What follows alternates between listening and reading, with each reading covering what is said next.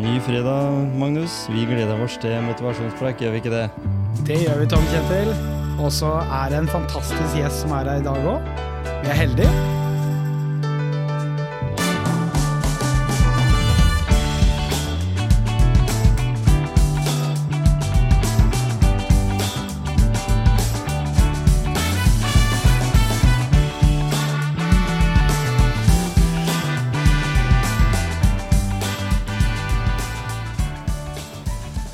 Ja, da er vi tilbake i motivasjonspreikstudio, da. Og dette skal man si det er en milepæl. Passerer vi nå episode nummer 150? Det, det, synes, det er jeg litt stolt av. Og da har jeg jo lagt ut på sosiale medier at uh, folk kan gjette hvem det er som får æren av å være gjest nummer 150. Og det er Magne Dyland. Velkommen til motivasjonspreik. Tusen takk for det. Veldig hyggelig. Ja, det var veldig hyggelig at du hadde tid til det, for du er jo en busy mann. Eh, Vi er mange som er busy, men eh, vi skal komme litt inn på et eh, spesifikt konsept, eller kall det en jobb som du har, som er ganske krevende, vil jeg tro, men som heter Steg for steg. Det skal du si, men først så vil jeg at folk som lytter på Motivasjonspreik, skal bli litt bedre kjent med deg, da. Fortell litt om deg sjøl. Jeg heter Magne Dyland. Mm. Eh, Jeg er eh, født og oppvokst i Seljord. I en liten bygd som heter Dyrlandsdalen. Ja. Et godt stykke tre mil fra Seljord sentrum. Mm. En eh, stille og rolig bygd med ja, veldig fint sted å vokse opp, egentlig. Ja. Og, og det var der også din aktive livsstil starta, regner jeg med? Det stemmer veldig godt. Jeg har alltid vært aktiv. På vinterstid husker jeg da jeg var liten, så tråkka pappa løyper for meg så at jeg kunne løpe langrenn. Mm. Og etterpå så kjørte han meg i helgene kjørte han meg rundt for å være med på forskjellige løp rundt omkring i Øvre Telemark. Mm. Og på sommeren så var det jo alltid ut på en liten sånn løkke vi hadde for å spille fotball. For det var jo sånn den gangen. Eh, Du er jo 60. Det stemmer. Eh, En 60 år ung, som de sier. Jeg føler meg 60 år ung, ja. Ikke sant? Og da var det jo sånn at det var liksom fotball eller en eller annen form for aktivitet på, som var litt sommerlig på, på sommeren, og så var det en vinteraktivitet på vinteren. Jeg hadde jo det på samme måten, jeg. Ja, nei, Det var eh, skigåing på vinteren, og så var det mm, fotball på sommeren og litt bading og sånn. Vi hadde en elv som vi kunne bade i, og hadde det egentlig veldig fint på etter skoletid. Så du bada i 11 grader, 11-12 grader, da? For det var vel stort sett smeltevann? Det var nesten isbading eh, mesteparten av sommeren. Men det er fint, det. Er, er, det, si, eh, er det noe vi kan eh, trekke konklusjonen av at det har vært en del inspirasjonskilder til det livet du har levd? Den oppveksten din? Jeg tror kanskje det kan trekke mest derfra, er vel egentlig mm, Når jeg gikk på skole, så var jo det 13 km unna. Mhm. Eh, Det var der det var fotballbane. Eh, Da tok jeg ofte bussen til skolen og var med en kamerat hjem etter skolen. Gikk på trening, og ofte da så måtte jeg gå hjem igjen. Ja. Det var ikke noen til å hente meg. Så jeg tror nok den staminaen rundt akkurat det, og på en måte vite at eh, skal du få noe, så må du faktisk gi noe. Mm, og det er, og det, den distansen, 13 km, da, hvis en tenker det på sånne små, kjappe føtter, det er jo som fra skal vi se, Herøya fotballbane og til eh, Skien sentrum, cirka. Ja, det er vel sånn Ja. cirka det, ja. Det er et godt stykke. Så det, ja, det er et godt stykke. Jeg tenkte aldri på det da, men Nei, men sånn distansemessig så Ja. vet jeg, for jeg sykler til jobben eh, herfra og til, eh, og det er på Nystrand, og det er 14,4. mm. Så det er jo liksom litt, litt kortere den ene veien, men litt lenger inn til, til byen. Da. Så, og det, det må jeg jo si at det er jo en økt for meg. Så da hadde du en økt uh, hver eneste da du var aktiv da i Ja, jeg var sentrum. veldig aktiv uh, alltid. Så litt rare, jeg gikk ute med, med vest her om dagen. Uh, jeg har jobba den nye jobben min nå i snart et år. Mhm. Eh, jeg prøver å gå så mye som mulig, men det er ikke alltid jeg kan gjøre det. Men stort sett prøver jeg å gå hjem, i hvert fall. Mhm. Og det er én gang på nå elleve måneder at jeg har gått rett hjem. Ja. En eneste gang. Det var for 14 dager siden. Ellers så blir alle turene lengre. Og så gikk jeg i går og tenkte på hvor langt går jeg egentlig. Og da kikka jeg opp på Stravaen min da, så de fleste turene var ca. mellom 13 og 15 km hver ettermiddag når jeg går hjem. Du har i det, altså? Så det er rett og slett, jeg tenker på, yes, for rart. Det er som at det er tilfeldig, Ja, ja. er muligens, men eh, Mm. ja, det er liksom den ideelleste distansen for meg for å komme hjem, da. Og når du sier det der med vektvest, eh, jeg har jo sett du har vært ute og gått med det og, og sånn, eh, og det er jo liksom, det er for å gjøre økta enda mer eh, betydningsfull sånn rent fysisk. Det er for å gjøre økta tyngre, på en måte, Ja. så at den får mer effekt av den Mm. timen eller de to timene han er ute. da. For du er ikke sånn som jogger eller løper i 13-14 km. Liksom du, du holder høyt, altså du holder høyt tempo, men du går med vest. Med vesten så går jeg, for den er såpass tung ja, at den hopper mye. Så 20 kilo? Etter hvert så 20 kilo. Så etter hvert så blir det ganske Ja, det er ikke at det er sånn Ja, tungt er det jo selvfølgelig. Jeg får jo ganske høy puls av det, men Mm. det går liksom mer kanskje i starten. Jeg har fått kjent litt sånn i hofter og litt i ankler og sånn. Men eh, Ja. nei, nå bruker jeg stort sett den til å gå med. Gå fort med. Og så har du vært i, vært i sandtak òg. ja, egentlig. Det er noen mye sandtak rundt her i Grenland, vet du. Jeg bor jo nesten på et sandtak, så det var ganske naturlig. Mm. Veldig kort vei til det. Jeg syns det er veldig morsomt å gjøre litt gjøre trening, gjøre det morsomt. Mm. Man har mye morsomt i et sandtak. Er du glad i stigning? Altså, Jeg er veldig glad i bakker. Jeg har en sånn ja, Hva skal jeg si, da? Det er eh, et eller annet rart med meg og motbakker. Det er kanskje derfor, for jeg er jo på en måte litt født i en bakke, sånn fysisk. mm. Uh, alt handler om bakker. Uh, men det er vanskelig for å på en måte jeg er i treningssituasjon, da, så klarer jeg nesten aldri å gå opp en bakke. Jeg må nesten alltid jogge, eller avhengig av løpe eller jogge, da, avhengig av Mm. der. er. Mm. Akkurat som jeg ser den liksom, at du roper til meg på toppen. Liksom, Kom her, prøv å ta meg. Ja, Så det bare er- få, I egen konkurranse, førstemann opp. Ja, det er alltid det, og det er konstant. Eh, Tidlig så var det kanskje litt sånn konkurranse med andre, men eh, egentlig store deler av livet så har egentlig konkurransen vært eh, egentlig inni meg. Mm. Egentlig med meg sjøl. Hva har Magne tatt med fra den innstillinga der inn i jobbsammenheng, i, i forhold til det du har jobba med i de åra du har vært arbeidsaktiv? Er det noen av de egenskapene som er med da? Jeg tror veldig mye av det er med meg, men det er sånn bare, han tenker bare ikke over det. Det bare ligger der. Mm. Så Hva er det de, de familien, da, eh, sier de det samme om deg, eller? At, at de må bare regne med at eh, du blir borte en liten økt, fordi så fort du ser en bakke, så forsvinner du opp? eh, ja, det er kanskje ikke helt sånn, men eh, jeg tror de fleste vet at jeg, vet at jeg trener mye, eller som liker meg veldig godt ute. Mm. Så Du er jo, Det er veldig viktig. og du er jo sprek til å være 60 sånn i, i alle sammenheng. Men eh, du har jo den evnen til å i hvert fall holde deg i form som gjør at du ikke som, som enhver altså Jeg sier ikke det at 60-åringer er i dårlig form, men det er jo en del 60-åringer som ikke har prioritert så veldig mye aktivitet, eller? Ja da, nei, jeg har egentlig hatt det med meg helt siden jeg var bitte liten. Ja, så jeg har bare holdt det gående. For om det er ferie eller eh, jobb eller en ettermiddag eller et annet, så har jeg alltid, alltid hatt det med meg. Ikke sant? Og da må jeg spørre om, siden vi er i motivasjonspreik, du, hva finner du i ordet motivasjon, Magne? Eh, motivasjon for meg eh, Jeg regner med at du ville spørre om det. Jeg tenker litt, er liksom litt kraften som eh, setter i gang en handling. Mm. Og på en måte lysten til å gjøre noe. Også i enden av det igjen, eller kanskje han tenker på det, i hvert fall jeg, i forkant, eh, at det ligger en, på en måte en belønning enden. Mhm. Og belønningen for meg da med trening er jo på en måte den godfølelsen du får når du har gjennomført. Mm. Sånn tror jeg det kan utnyttes veldig godt for alle, egentlig. Finne den belønningen som på en måte du trenger da for å orke å gjøre den eh, innsatsen. Mm. Men så tror jeg også det er veldig viktig i forkant av det igjen, så må man nesten stille seg spørsmål, eller man stiller seg kanskje det uansett, eh, om det gir mening. Mhm. For mening er også en veldig viktig del av det. For jeg tror mening eh, Ja, må ha mening på en måte også inn i det med Ja, tenker, du- tenker du da at eh, Hvorfor gjør jeg det? Hvorfor tenker gjør jeg det, ja. Ja, det, er, ja Mm. det er en mening bak. Så gå, gå litt dypere i det, fordi da, da på en måte får eh, hver eneste økt en betydning, og så blir det et verktøy. Gjør det ikke det? Jo, til slutt blir det et verktøy. Mm. Når du gjør det mange ganger, så blir det det. Mhm. Og gjør andre ting, da, så, så ser en det etter hva meninga med det, hva er vitsen med å gjøre, med det, gjøre det. Mm. Og hvis det ikke er noe som helst poeng, så er sjansen mindre for at du gjør det. Ikke? Hvis det er en mening, og du ser en mening med det, så går på en måte motivasjonen opp, og det blir lettere å få det gjennomført. da. Og hvis du tenker da motivasjonsverktøykassa, da. Eh, hva for slags andre ting enn det å gå opp topper med vektvest er det som, eh, som tilfredsstiller Magne da, som privatperson? Er det noen andre ting du føler er liksom viktig for deg, for at, som du må bare ha med på veien?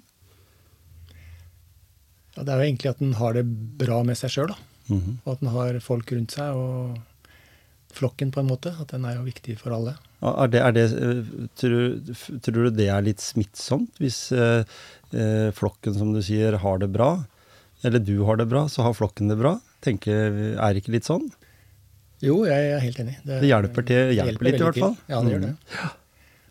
Får en for mange ting på en måte i hodet å tenke på som ligger og forstyrrer, så er det vanskelig å få til det han egentlig kanskje skulle gjort. Så Hva tror du om den eh, motivasjonen du representerer, påvirker den barn og barnebarn, eller?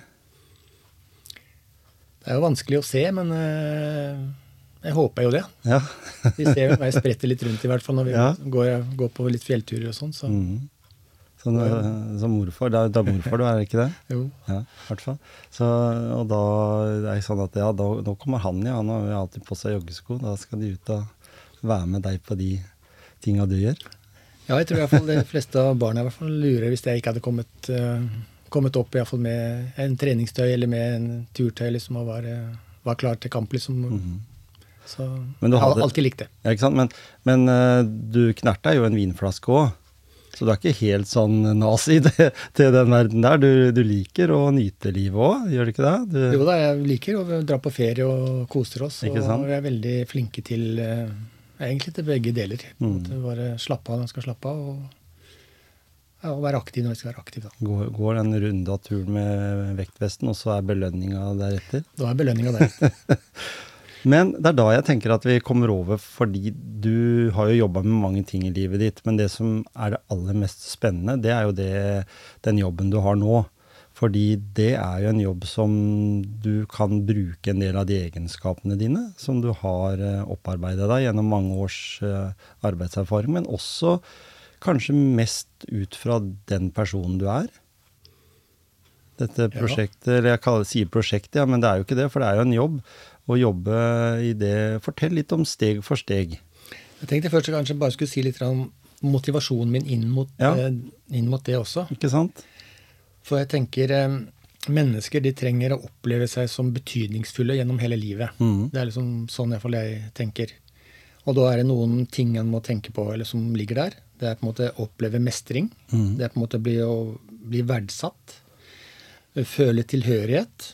Og bli anerkjent, i hvert fall. Mm. Det er en del viktige ting som eh, ligger i bunnen hele tida.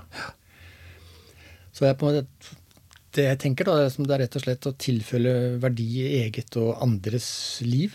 Det er viktig for oss. Det er viktig for meg, og jeg tror det er viktig for alle andre. Så på en måte, da føler jeg at det er, på en måte, er det her verdt å jobbe for.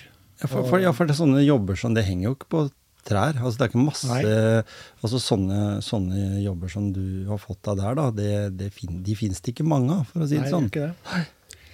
Og mange som jeg møter, da, som har problemer med å motivere seg. da. Det er som en, eh, ja, det er mange selvfølgelig, men som sier at det er tungt å engasjere seg selv dag etter dag. Mm. eh, når det ikke er noen som savner deg, liksom. Ja. Det er ingen som bryr seg om jeg sover forbi lunsjen min. Det er ingen som bryr seg. Og da er det også litt vanskelig med den motivasjonsdelen, da. Mm. Og hva skal en da ta tak i, liksom. ja. Og det er ofte starten på en dårlig spiral. Mm. Og det er liksom litt der eh, min motivasjon da for eh, å jobbe steg for steg, er faktisk det da også være der, eh, hjelpe til med å skape den motivasjonen som trengs for at man da skal kunne ta tak i livet sitt og Mm. Ikke- ikke komme seg opp igjen. Du er en slags personlig trener bare innenfor et helt annet felt. Ja, på en måte så Ja. er det mye av det. Mm. For du må gi mye av deg sjøl. Du må på en måte være på. Det nytter ikke å være av og så følge en eh, vi, eh, Veldig mange av de menneskene som du skal fortelle litt mer om òg, de, de blir vel møtt veldig mye, hvis vi kan kalle det motstand, da. Eller har, vært, har møtt mye motstand i livet sitt. De har møtt mye motstand. eh, Veldig mange, selvfølgelig. Så nei, det er helt sant. Det er, Mm. eh, det er liksom der det starter, da. Og de menneskene, da. Hvordan eh, tenker du at eh, du hjelper de i den jobben? Steg for steg Ja, er jo ikke steg. bare eh, enkelt å få fortelle. Fortell litt om eh, jobben din, da. Det vil vi Ja, det vil jeg veldig gjerne gjøre. Ja. Steg for steg Grenland, som det heter. da. Mm. Vi er jo um, tre stykker. Det er eh, Alexander som er eh, lederen vår. Mm. Så er det Ariane som er eh, veileder og tidgiverkoordinator. Mm. Så er jeg som er, har vært veileder og også jobber nå med litt eh, sosial eh, Ikke litt, jeg jobber mye med sosial bærekraft. Ja. Det er et interessant ord. Ja, hva, hva, hva, hva, hva legger du i sosial bærekraft? Ja, det er egentlig hele det steg for steg egentlig er. er jo et sosial bærekraft. Det er egentlig på en måte hvordan vi kan eh, gjøre det samfunnet vi har, bedre. da. Mm. Og vi har jo ja, et litt sånn spesial, ikke spesialt felt, da, men vi har liksom eh, tenker veldig mye på det her som er utenforskap. da. Mm. For det er en plan med, med, med steg for steg. Ja, En tydelig plan. Mm. Så det som er viktig utover oss tre da, på Steg for steg, det er eh, vi har 30 frivillige, som hos eh, oss heter tidgivere. Mm. Vi syns det er et veldig fint ord, tidgiver. Det syns jeg òg. Istedenfor å bruke frivillig på alt. Så her gir du av din tid. Mm. Så for oss og for eh, meg så er det det samfunnets hverdagshelter, vil jeg si. At det kommer folk til oss og sier at jeg vil bruke av min kompetanse til å gi til andre som trenger akkurat min kompetanse. Mm. Så det syns jeg er veldig, veldig fint. Så vi tenker også, hvis, jeg har tenkt noen ganger at hvis de da, som vi har der, det er 30 stykker vi har per i dag, hvis de hadde vært en bedrift, så hadde de vært en fantastisk eh, bedrift som kunne utretta utrolig mye. Mm. Så de er jeg veldig stolt av, og veldig glad at de eh, jobber for oss, da. Men dere trenger flere. Vi trenger også flere. Ja. Vi trenger absolutt flere. Og det som er på en måte mm, stikkordet for mye av det vi gjør, det er på en måte hverdagskompetanse. Mm. Og det er det de tidgiverne kommer inn med. De kommer inn med sitt liv. De har, I teamet vårt da så har vi liksom arkitekter, det er folk som jobber i helse, det er pensjonister, det er noen som er kunstnere, folk jobber i skole. Mange mange forskjellige yrker og mange forskjellige interesser og sånn spisskompetanse som da kommer inn. Mm. Så det blir et helt sånn genuint, eh, ekstremt bra team som bare er der. Så finner vi, så er det jo deltakere, som vi kaller det, da, som trenger den støtten og finner ut at kanskje steg for steg er plassen for meg. Eh, Så setter vi sammen, finner ut hva gnisten er hos en som kommer til oss. da. Så vet jeg da den basen jeg har, og da passer det med Per f.eks. Så kobler jeg de to sammen. Så etter hvert da så utdanne, eller utvikle seg et vennskap de to imellom, eller et forhold de to imellom, og som da går i forhold til interesser, og da er det en veldig fin start på en ny, god spiral. da. Og, og hva slags type mennesker er det dere eh, får som deltakere? Det er eh, Per i dag i hvert fall så er det hovedsakelig folk som har hatt eh, rusutfordringer og litt sånn innenfor psykiatri, psykiatriske utfordringer. Mm. Så mange i dag eh, er folk som er i behandling og skal ut i hverdagslivet igjen. Kjent Jeg har jobba på sykehuset før også. Og um, på rus og psykiatri i ganske mange år. Før jeg begynte i Steg for steg. Og det er jo der jeg egentlig fatta interessen for det feltet her. da, For mm. mange av de pasientene da som er i en livskrise, de eh, skal ut i samfunnet igjen. Og ut til hva da? Jo, de er liksom ofte tilbake til det samme miljøet som de helst ikke Som skaffa det, eller som fikk de til å komme inn dit. da. Så det, når de kommer ut igjen, så er det på en måte da ingen som kan være der, kanskje, da, for de. Nei. Og de begynner jo livet med null følgere på Facebook. På en måte, da. Ja, de Og da har det begynner ikke vært vært veldig Sånn sett De har fått si eh, har fått tilfredsstilt det som på en måte er kanskje ett av kravene innenfor det å, å være synlig, da. For det har er jo viktig, det å være synlig for mennesker, enten en Altså og i hvert fall hvis en har vært eh, tidvis borte fra, fra det gjennom rus eller, eller psykiatri, da, som du sier. Mm. Så der vi er på en måte den eh, broa da, på en måte som ja, hjelper folk eh, videre da, tilbake til en bedre hverdag enn det de hadde. da. Mm. Og bygge opp et, eh, et nytt liv, fylle de timene som f.eks. hvis det er en som har slitt med rus. da.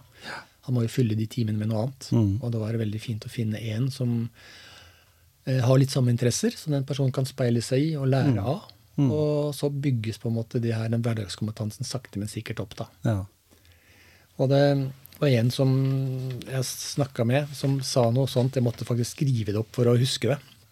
Eh, bare for å fortelle at hverdagskompetanse for oss er det så lett. Fordi at vi er der hele tida. Mm. Det er som vi I det miljøet vi er, så oppfører alle seg noenlunde likt. Men så er det en som sier at eh, den sosiale hverdagen der ute er en lukket, hemmelig forening med egne regler som ikke blir avslørt for de som ikke er medlemmer. Det er sånn, sånn føles det når du står på utsida. Mm. Og derfor er, sånn, derfor er den hverdagskompetansen den er da så utrolig viktig. De små kodene, de små tingene som vi på en måte får påfyll av hele tida. Mm. Den er en gruppe mennesker som ikke, ikke har og ikke får. Og du får liksom ikke helt kontakt med det. For, eh, og da blir det fort gjort at han kanskje gir opp litt da, når han skal ut i Kanskje han får beskjed om at du må finne deg en jobb, eller et eller annet, men så ligger det så, det er så mye som, som ikke syns. da, Sånn stille kunnskap som på en måte ikke er på plass. Og, da når du kom, og når du da sier at den tida du i hvert fall hadde var rusa, da, så hadde du gått med dopamin, og det var liksom lykkefølelsen var der. Og så blir det liksom veldig langt unna der til det å mestre det også ut i, ut i samfunnet. Ja. Eh, lavterskeltilbud, det er det jo. Fordi her snakker vi om rus og psykiatri, men vi snakker vel også om mennesker som trenger litt hjelp. Dette for dette er ikke noe som du må ha gjennom fastlege eller, eller gjennom spesialhelsetjenesten. Nei, det er det absolutt ikke. For oss så komme til oss, da, det er, eh, det er gratis å bruke oss. Mm. Det er uten noe som helst form for vedtak. Det er ikke noen henvisninger. Det er helt frivillig å komme til oss. Mm. Så det er veldig, veldig, sånn sett er det veldig veldig lav terskel. Mm. Og vi eh, tenker eh, først De vi tenker på, da, er jo stort sett de som har lyst til å komme tilbake til, til det A4-livet som en gang de kanskje hadde, eller som de egentlig kanskje drømmer om. da. Så det er liksom komme ut av rus og komme opp i en vanlig hverdag. da. Leste, Og gjerne ut i jobb. ja, ikke sant? Jeg leste på nettsida deres at uh, der var det en, uh, en uh, deltaker da, som, som hadde gitt en sånn tilbakemelding, og han sa det at jeg vil ikke bli sett på som en som må ha spesialhensyn, og jeg vil være et van, for jeg vil være et vanlig menneske. Mm. Det er det, det er det de fleste vil være. De vil ikke ha noe spesielt tilrettelagt for seg. De vil at, eh, og ikke bli stigmatisert, men de vil at de skal se vanlige ut. Så det er, vi snakker jo om hos dere ikke noe form for uniformering. Nei, Hos oss er poenget at vi skal være eh, to medmennesker som møtes. ikke sant? Det skal ikke være forskjell på noen som helst måte. Og, og, hvordan, og hvordan på en måte altså, hvis, du, hvis du tenker at du er eh, innenfor ruspsykiatri, kommer kanskje til og med ut fra fengsel, eh, du må bygge deg opp på nytt. Eh, blir du møtt da på noe, noe spesiell måte? Altså, hvordan når de dere? De, du er kanskje litt passiv som person da, når du kommer her i en sånn situasjon. Jeg regner jo med at de finner jo dere på, på alle mulige sånne type sosiale plattformer og, og, og nett og sånn. Eh, Men er det, er det sånn at det, den jobben din det er en 24-7-jobb, eller? Nei, det er jo egentlig ikke det, men eh, vi er jo tilgjengelige likevel, da. Ikke sant? Så, eh, Og så har du de der um, tidgiverne nå, da. Som blir en, en del oppi dette her også. Fordi, som du sa her i stad, eh, hvis de finner hverandre og du, du kobler de riktig, så kan det bli et eh, livslangt vennskap. det kan det også bli. Mm. Det er ikke noe, ikke noe ulempe, det er ikke noe problem med det. Nei, ikke sant? Så vi er på en måte sånn eh, Det er en hjelp liksom til å få ting, eh, ting i gang, da. Ja. Og så interesser og mål da, som på en måte bestemmer veien videre for den enkelte. Mm. Jeg har lest noe der om at individuell skreddersøm, det gjør, gjør jo at det blir um, ikke noe, Det er ikke noe sånn mal. Her, vær så god, her får du tredd deg nedover huet, liksom. Dette er hva som, som gjelder den, eh, den som skal være en eh, type deltaker. Eh, vil det også være sånn i forhold til de tidgiverne at de kan være seg sjøl? Som du sier, en arkitekt eller en helsearbeider eller noe sånt med ulike erfaringer. Får de lov å være veldig seg sjøl? De skal være 100 seg sjøl. Mm. Det er det som er hele Mm. poenget. De skal være 100% seg sjøl. Og så skal de på en måte da gi av den kunnskapen de har, mm. til den eh, personen som de da er sammen med. da. Ikke sant? Og det er jo på en måte funnet ut av på forhånd at eh, de har visse interesser, felles interesser. Mm. Så bygger en to stykker på felles interesser, så skjer det litt sånn magi. Mm. Så det er så enkelt å Og tidgiveren kan også ta kontakt med dere via nettet, da. Og så ta og fortelle litt om seg sjøl og Ja da, Og vi er tilgjengelige på, på alle mulige plattformer, så det, er- hos oss er det bare å ringe, ringe til oss og, om du er, har lyst til å være tidgiver. Mm. Eller om du tenker at eh, som en deltaker at jeg kanskje jeg hadde hatt behov for en tidgiver. Ja, ikke sant? Så er det det samme. Det er bare å ringe det samme nummeret. Det er Mm. veldig, veldig enkelt å få kontakt med oss. Og ja, det er, Har erfaringa vært sånn at eh, du har hatt deltakere som har blitt tidgivere i det konseptet? For det, det er jo i, det, i dette her så, så har det jo vært Det ble jo etablert i Grenland 1.10.2021. stemmer. Og så har det vært andre steder. Det har vært siden 2016. Ja, ikke sant? Jeg er nå i åtte største byene i Norge. Mm. Og har det vært noe erfaring om det? At noen som har vært eh, deltakere, har eh, snudd om på livet sitt, og så eh, gir de tilbake igjen, på en måte? Som, Absolutt. Det er også en veldig fin effekt. Eh, Mange av de som har holdt på lenge, Mm. noen har blitt da tidgivere etter hvert og bruker sin kompetanse for å hjelpe andre igjen. mm. Så det er en sånn snøball som ruller. Ja, ikke sant? Jeg synes jo, jeg, jeg må si det, og jeg sikkert sa, sa det i stad òg, det å bruke tidgiver istedenfor frivillig. Jeg syns jo frivillig er ikke noe gærent ord, det, altså, men, men det å være en tidgiver, det, den si, gjerningen der, den vokser for meg i bare ordet. Mm, gjør det? At det, der, det, det virker som at dette er gjennomtenkt. fordi når noen sier at ah, nei, uff, jeg orker ikke jobbe frivillig, jeg har jobba for fotball, og jeg har jobba for, for korps, og jeg har jobba for turninga og alt sånt noe, så det er jeg ferdig med. Eh, dette her virker som et mye mer voksent prosjekt, da, selv om jeg skal ikke rakke ned på de som jobber frivillig. Fordi mange jobber jo i kiosken eller steker vafler eller gjør sånne ting, eh, og ikke tenker over at, det, at du er frivillig heller, fordi du gjør en gjerning for kanskje fotballaget som barna dine er i, eller sånn, men, men akkurat den, den eh, tidgiver, den, den føler jeg gir litt ekstra. Det er sånn jeg tenker at det, den dagen jeg ønsker å Eller si jeg har et åpent uh, luke for at jeg vil bidra med noe, så tenker jeg at eh, det er synes jeg er kulere å være tidgiver enn frivillig. Ja. Det er i hvert fall hjertelig velkommen. Ja, ikke sant? Det er ikke mulig det at jeg stikker innom når den tida kommer. Eh, På de eh, åra som, som har gått siden det ble starta opp, fins det noe mat tallmateriale som sier at det er så og så mange prosent som har eh, eh, fått utbytte av det, eller eh, driver dere ikke med sånt? Det er nok noe som kommer etter hvert. Ja, ikke Eh, sant? Foreløpig nå så har det vært eh, prosjekter, og vi vet vel sikkert tall fra de forskjellige stedene. Og vi vet jo hvor mange vi på en måte har inne, da. Ja, ikke sant? Men, du sa jo det at det er dere ikke- hadde jo 30 tidgivere her. Dette er deres område, Dette er vårt område i Grenland. Ikke sant? Det er jo eh, to, nesten tre fotballag, det. Ja, Jeg tenker sånn antall personer, hvis vi ser litt billedlig på det. Og så er det det som er litt eh, Hvis en tenker på det store bildet, da. Mm. Og egentlig bare mange mennesker som på en måte er inne i den gruppen som går under utenforskap. Mm. Så koster jo det samfunnet 314 milliarder i året. Ikke sant? Så derfor er jo dette også en, på en en veldig viktig samfunnsjobb. Mm. Å være tidgiver og på en måte støtte opp under og hjelpe folk da som på en måte vil tilbake. Det er så mange som vil, Mm. men det er vanskelig å få det til. Ja, og det ofte, starter ofte med den kompetansen som ligger i det ordet hverdagskompetanse. Da. Det for veldig mange så stopper det der. Mm. For det, det er en sånn, et stort hinder som gjør at det er vanskelig å komme videre. Mm. Og dere har noe som jeg så litt om på, på nettet også. Dere gjennomfører noe som heter temakvelder. Dere, dere, har- dere har fokus på hvert fall det som heter sosial kompetanse, økonomi, bolig, ernæring og arbeid. Det er liksom viktige temaer.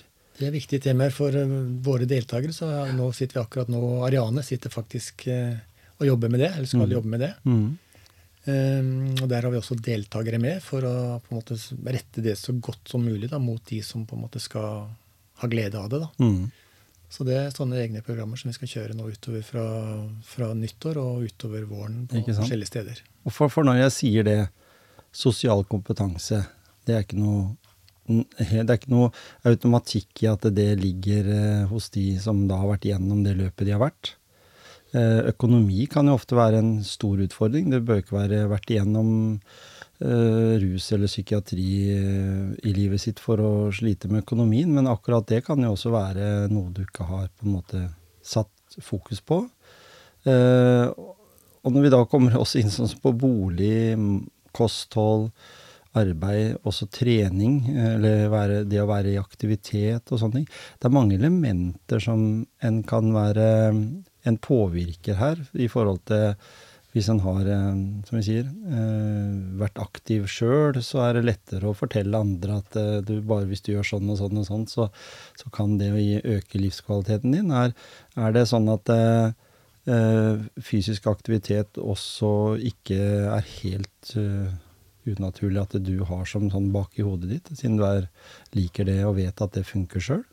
Fysisk aktivitet er en ganske stor etterspørsel etter. Mm. Alt fra bare det å gå noen runder rundt Gjellevannet med noen, mm. til å gå til Vealøs, til mm. å være med kanskje i klatreparken.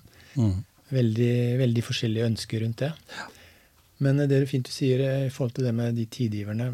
Eh, noen eksempler på det. Noen som ønsker seg mest av alt i verden en eh, bestemor eller en bestefar til barnet sitt. Det er mm. kanskje en person som er stort sett aleine i livet, men, og må skal da stable beinet, eller stable under seg og komme videre. Mm. Men ønsker seg f.eks. en bestefar. da. Eh, kommer til oss, kan du hjelpe meg med en bestefar? Mm. Og det er jo egentlig et ganske tøft spørsmål, ja. men vi har faktisk klart det. Ja. Eh, gjennom et tidgivere finne ut har du lyst til å være en bestefarfigur som er, har lyst til å være det mm. for noen. Mm. Og det har det blitt, og det er blitt kjempegode forhold rundt det. Andre har kanskje ikke fått så mye opplæring i det å lage mat, kanskje opp gjennom ungdomstida, og drar det med seg ut i et litt sånn dårlig miljø, kanskje. Mm. Men eh, det er også det er mitt største ønske, å lære å lage mat. Være sammen og lage mat. Ja, Da har vi tidligere som sagt jøff, det har jeg lyst til å ta med den personen hjem. Og starte med å lage sauser og lage mat og lage Ja, mat fra bunnen av. Så bra. Andre sier eh, kommer til oss og sier at vi er helt håpløse på å ha en leilighet, men de klarer ikke å trives der. Det er jo helt uh, forferdelig. Det er, det er jo bare rot. Mm. Og jeg klarer ikke å stable sammen noe som helst som ser bra ut. Kunne du hjelpe meg, noen som kunne hjelpe meg med det? Da har vi selvfølgelig det. Ja. Som kan bli med og inspirere og fortelle og hjelpe til. Altså den personen får en leilighet som den personen kan trives i og bo i. og stable og komme, komme, på beina igjen. da. Mm. Og det er ofte veldig viktig å ha et bra sted å være. da. Så det er meningsfylt for tidgiveren òg, vil du si da? Tidgiverne, får sier, eh, tidgiverne sier jo veldig ofte at eh, jeg tror kanskje jeg får mer igjen enn eh, Ja. det jeg gir. Så, sant? så det går absolutt begge veier. Mm. Men, men når du også da får tilbakemeldinger fra deltakerne, da. Hva sier de om tidgivere som gir så mye av seg sjøl? Nei, De er jo helt henrykt over at det er noen som vil gjøre det. Mm. Ja, for, for det jeg tenker på, er jo hva har de personene der møtt i livet sitt tidligere? Mye motstand. Mye sånn eh, spisse albuer for å komme seg fram, kanskje. Ja. Eh, vært eh, Hva skal jeg si Han har ikke akkurat selvtilliten på topp, for å si det sånn, hvis han, hvis han skal ut av de miljøene, i hvert fall. Så står han der, som vi var inne på i stad, uten noe som helst. Ja, Det er det som er så viktig, da, å ha en som du kan følge med deg da, i den prosessen. eh, Alltid en person du kan ringe til. Og det Mm. kan du til oss selvfølgelig også. Ikke sant? Vi skrur ikke av, vi er ikke borte, vi blir ikke borte som kanskje en behandler gjør, kanskje, eller noen som du har et forhold til i det offentlige. da. Mm. Det offentlige stenger jo gjerne klokka fire. Ja, ikke sant? Jeg tenkte det her som, nei, jeg tenkte det her som du sa, det her med at den var, eh, at den var um, tilgjengelig på en, på, en, på en litt annen måte. At den ikke behøver å søke noen. Den bør ikke stå sånn med lua i handa for å fylle ut en søknad på Nav for å bli med i dette. Eh, eller for å få plass i Steg for steg. Da. Det er eh, åpent, som vi var inne på her, for, for alle. Sånn trygt og, og, og greit, og du treffer mennesker som, som er på ditt nivå i for, forhold til samtalen. Og så blir din oppgave da å koordinere dette her. Finne sammen med kolleger, selvsagt, men, men det er sånn den rådgiverrollen du har. Ja. Og dette å skape den blir jo ditt ansvar, Det er mitt og vårt ansvar. ikke sant? Mm. Mm. Eh, har dere sånn at eh, når dere møtes da i gruppa, eh, uten deltakere og uten eh, tidgivere, så eh, skryter dere litt av søren, dette var kult. Nå fikk vi kobla de, eller Han var så fornøyd. Jeg så det glitra øynene hans når han gikk herfra, eller hun da, som, som hadde fått en, eh, en besteforeldre, eller altså så, eh, Er det noe sånt som på en måte gir dere et slags eh, det, dere gir dere hverandre et klapp på skuldra for det? For det er jo litt der, takket være måten dere jobber på. Ja, vi opplever vel det nesten hver eneste gang, egentlig. Ikke sant? Det, ja, vi opplever det nesten, nesten hver gang. Mm. Det er akkurat sånn det er. Folk har nesten ikke tid til å prate med oss lenger. De har allerede funnet hverandre, liksom, er på Ja. vei ut og starter en ny tilværelse. Så bra. Så det er, ja, det er helt Man Du må nesten oppleve det for å forstå det. For det er nesten sånn magisk, egentlig. Mm. Se hva som, eh, hva som skjer. Den deltakeren er selvfølgelig veldig spent, og sånn og sånn, og det er jo tidgiveren også. Så Ja. I den samtalen eh, vi har da, så smelter alt sammen sammen, og så er, blir det ja, blir veldig bra. Det er utrolig meningsfylt. Ja, det er veldig meningsfylt. Og jeg tenker at eh, når eh, du, Magne, er eh, Altså, vi snakka jo om det her helt i starten. Du er jo en mann som liker fysisk aktivitet. Du liker å være Altså, du bruker fysisk aktivitet kanskje for å ja, få egen ro og harmoni, da. Men er det sånn at du Du har lett for å bli med på ting som person? Jeg har vel egentlig hatt det oppi meg.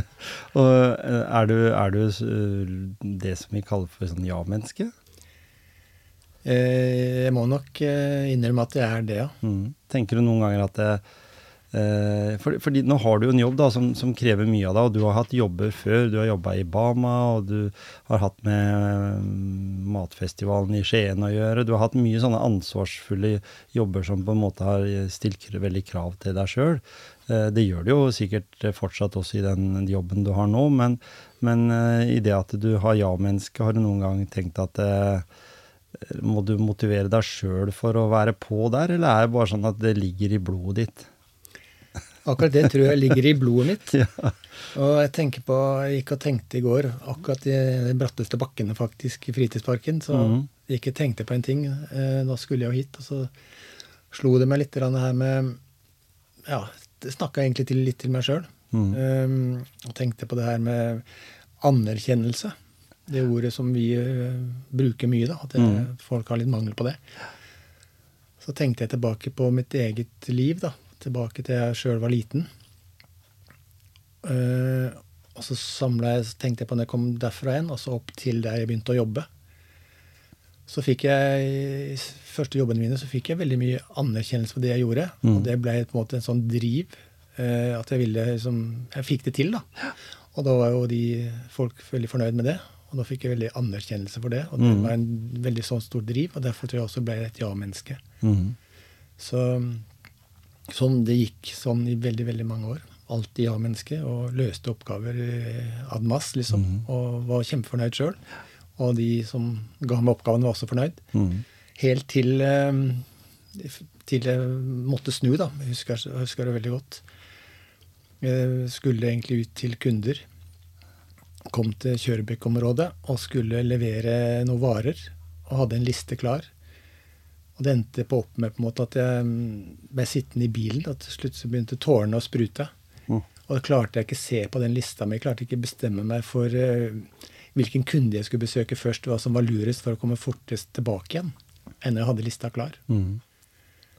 Og da tenkte jeg her er det noe som ikke er helt bra. Mm. Så jeg tenker at eh, hva er dette her for noe? Og da kjente jeg på en måte at eh, Magne, du må på en måte ta tak i det her. Nå har du kjørt kanskje litt for tøft. Ja. Så klarte jeg da i den samtalen med meg sjøl i bilen, husker jeg, bestemme meg for at uh, det her må du gjøre en endring på. Du må gjøre noe annet med livet ditt. Du må gjøre noe annet. Så klarte jeg å bestemme meg for det, og så klarte jeg å se på lista igjen, og da stemte jo lista. Mhm. Og da kjørte jeg og ordna de tingene. Det var liksom starten på en ny prosess for meg, da. ja, ikke sant? Men det var en sånn higen, tror jeg, etter eh, Tror jeg, da. Higen på en måte etter den her anerkjennelsen da, som jeg da fikk. At jeg ble en slags uh, rus ut av det, liksom. At Mm. jeg hele tida få de tingene. For jeg fikk det jo til. Og da jobba han på helt til det på en måte Jeg klarte sjøl å se at jeg møtte en liten vegg, da. Mm. Og, du, og du er jo akkurat som meg. Du går ut fra gymnaset og ikke noe mer, og så, og så begynner du å jobbe. Mm. Og så, og så er det jo sånn som jeg i hvert fall tenker om meg, da, så tenker jeg det at eh, eh, jeg er et produkt av egen nysgjerrighet. Derfor så har jeg jobba med de tinga jeg har gjort. Er du litt sånn du òg? Ja, absolutt. Ja. For du, du tør å tenke at eh, ja, hvorfor ikke, liksom? Det kan jeg vel prøve på. Det er liksom Og, og, og jeg, jeg vil tenke med en gang at den energien eller den måten å, å presentere seg sjøl på gjennom det, det gjør jo at eh, det må vel smitte over på deltakerne. Ja, jeg tror nok det gjør det. At du ser at der han der, der han syns jeg det er god, godt, og det er lett å få connection. Jeg ser Altså, det er, noe, det er ikke noe, sånn at det, selv om du da har eh, studert og, og fått mye lærdom i bagasjen etter oppi alle de åra, og vært nysgjerrig, eh, så merkes det eh, ut ifra din eh, kan vi si selvfølelse, da, eller din måte å presentere deg på. Jeg tror nok det smitter over. For mm. Eh, jeg har et voldsomt engasjement for det jeg holder på med. Ja. Det har jeg egentlig alltid hatt. Mm. Og jeg har det i hvert fall nå. Og nå har jeg en kjempestor ryggsekk med veldig mange forskjellige fasetter, på en måte. Så, og det er liksom akkurat som hele livet har bygd seg opp til at det, eh, er det her jeg skal gjøre nå. Mm. Så det er veldig, veldig, veldig spennende. Ja, for når vi kommer til det der eh, som jeg eh, presenterer så ofte jeg kan, dette her med drømmejobben. Jeg pleier å spørre om det, og jeg tror det stemmer så å si hver gang. Det er at hvis jobben vår er bra, det, altså hvis det er drømmejobben vår, så er kanskje det det viktigste i livet, for da funker også familie, kjæreste, eh, alt av det andre også, fordi eh, en tar jo kanskje sjøl tak i mye mer da, når en føler at en er på en positiv eh, sky, da. Mm. I, I, motsetning til de menneskene som dere skal hjelpe, som, som ikke har kommet dit ennå, men som drømmer sikkert om det der oppe. Mm. Eh, Tror du at det, det stemmer? Det er ikke, det ikke forska så mye på det, men, men hvis den har eh, en god trivsel i arbeidet, en, en eh, lengter etter å gå på jobb, liksom, og, men en er selvsagt sliten når en er ferdig, men altså, jobben er en drivkraft av de. Eh, og det sier alle som om, om, omgås deg, da, at det, Jøss, jeg merker jo det at jobben betyr mye for deg, og det gir jo så mye tilbake igjen til nettverket ditt, da. Mm. Tenker mm. du litt sånn? Jeg tror ikke jeg tenker sånn, men jeg tror jeg kanskje det er sånn. Ja. For um, Ja, for mange er jo sånn at jeg, nei, akkurat nå er jeg arbeidssøkende, eller nå er jeg liksom, går jeg på Nav, eller en, akkurat nå er jeg sykemeldt, eller et eller annet sånt. Så, så, så, er det sånn I undertonen måten du sier det på, så, mm. så, tenker jeg hver gang noen sier det til meg, at ja, jeg, jeg, er snart i gang med et nytt prosjekt, og sånn, så tenker jeg du lengter etter å komme dit igjen du lengter etter å være sånn egentlig, da. Altså folk som er slitne og gått på en smell og må bare ha seg en pause. De snakker jo ikke om annet enn jobben sin. Eh, Nei. Alle de tinga. Og de snakker om problemer rundt det at den er det. Jeg har hatt kompiser jeg, som jeg har snakka med, som, som, har personlig gått på en liten smell, og så har en prata og prata. Vi har repetert og repetert og snakka mye om problemstillingene i jobben. Og så etter hvert så er de malt ned, akkurat som mel, fra, fra korn til mel. Og så, og så, er det liksom sånn Nei, det var kanskje ikke så viktig likevel, men vi fikk snakke om det. Mm. Og der møter du jo Eh, disse her deltakerne også, de har jo sikkert en livshistorie som ikke er noe sånn gullkanta på et flott dokument. Det er en historie som de ikke er spesielt stolte av, men noen ganger kan det kanskje være litt ålreit å bare grave litt i det. Fordi de, de, vet i hvert fall kanskje at det, den veien skal vi i hvert fall ikke gå. Jeg vil ut av det. Mm. Det er jo ofte da de kommer til oss. da. Mm. De da bestemmer seg for at uh, jeg vil ut av det, jeg vil gjøre noe annet. Men uh, jeg får det ikke helt til aleine. Mm. Så har jo da heldigvis steg for steg kommet, da. Ja. Og er en veldig god uh, drahjelp i det. Mm. Og tenker du at steg for steg også, når, når noen hører ordet liksom rus, tidligere rusmisbruker, psykisk syk Det er veldig sterke ord. Det er ord som mange forbinder med at den er veldig langt nede. Men eh, vi snakka litt om det her i stad, dette her med at den bare er litt sånn utenforskap, altså litt utenfor eh, en periode. Vi trenger bare litt hjelp inn på stien igjen. Er dere der òg? Jeg tenker liksom at eh, vår oppgave er på en måte hvor er du akkurat nå? Mm. Og så det er andre som kan eh, hjelpe til med det som ligger under, men vi skal liksom ta det derfra så, fra nå og fremover. Ja. Så vi har eh, fokus på det. Og da syns jeg det er viktig å få fram, fordi vi vet i dag at eh, innen psykiatrien for å få noe, en samtalepartner, en psykolog, en eller annen og, og da Jeg sa samtalepartner først, for det er kanskje ikke så viktig hvor mange år skole du har, men det, det er viktig å ha en samtalepartner. Eh, og vi snakker om, hvis den kommer i det systemet, vi snakker om syv måneders ventetid i Grenland for å få den hjelpa. Kanskje, kanskje den faktisk fins allerede hos dere, hvis en tenker sånn Så- u, uten at en behøver å ha den, den høykompetansen, da. Ja, den hverdagssamtalen som kanskje de Mm. fleste trenger, da. Det er, det er kanskje der det meste ligger også. Det, Mm. jo, det har jo vi. Våre tidgivere er der. Ja. De er der for å gi av sin kompetanse. Mm. Diskutere hvordan den andre har det, kanskje snakke rundt, rundt tingene. Som Mm. kan være en veldig, veldig god start. Mm. Veldig god start på noe. Ikke sant? Når, eh, når vi snakker om eh, motivasjonspreik, da. Du har snakka om motivasjonen både som privatperson, du har snakka om motivasjonen for å finne veien inn i en sånn jobb som det du har gått for. Det er klart det er jo utrolig givende at en, at en vil gå inn i sånne eh, jobber som, som, som, som tar mye tid. For det, det er sikkert det, du, du gjør sikkert ting inni hodet ditt og finner fram til modeller og utvikler konseptene og utvikler eh, teorier og utvikler punkter. Eh, er det sånn at sånn her mot slutten kan røpe noe som skjer, eller? Sekken, Du snakka om den ryggesekken i stad. Blir- Er det plass til noe mer oppi der? Ja, det er den er plass til veldig mye mer i. Uten tvil. Nei, vi jobber med litt sånn spennende ting eh, om dagen. Mm. Så jeg vil helst ikke si røpe noe om det nå, men Nei. eh, jeg kan vel si at eh, jeg tror nok det, Jeg vet det ikke har vært gjort i Telemark før. Mm. Eh, Jeg tror heller ikke det har vært på den måten som vi tenker å gjøre det nå, da. Så det er vel heller ikke gjort i Norge før, tror jeg. Nei. Og det kan vi kanskje kan. ta en egen episode på ut på nyåret en gang, når dette her er eh, lanseringsklart. Ja, veldig gjerne. Ja. Det, er, eh, det er Jeg kan si litt, kanskje. Det er vel egentlig nå oppe på en liten gjennomgang på universitetsnivå, i hvert fall. Mm. Så vi, for å sikre oss liksom sånn eh, at alt er, er best mulig, da. Ikke sant? Så vi har spennende partnere med oss. Det var kjempe Jeg ble gira allerede nå, jeg. Så, så kanskje vi må grave litt i det når vi har slått av mikrofonen her. Men uansett, veldig hyggelig at du For- Foreløpig er det bare i powerpoint hos meg. Ja, ikke sant? Men veldig hyggelig at du tok turen til motivasjonspreik. Jeg syns vi har fått snakka mye om motivasjon, og spesielt om din motivasjon, Magne. Mm. Tusen takk for at du kom. Takk for at jeg kom. med.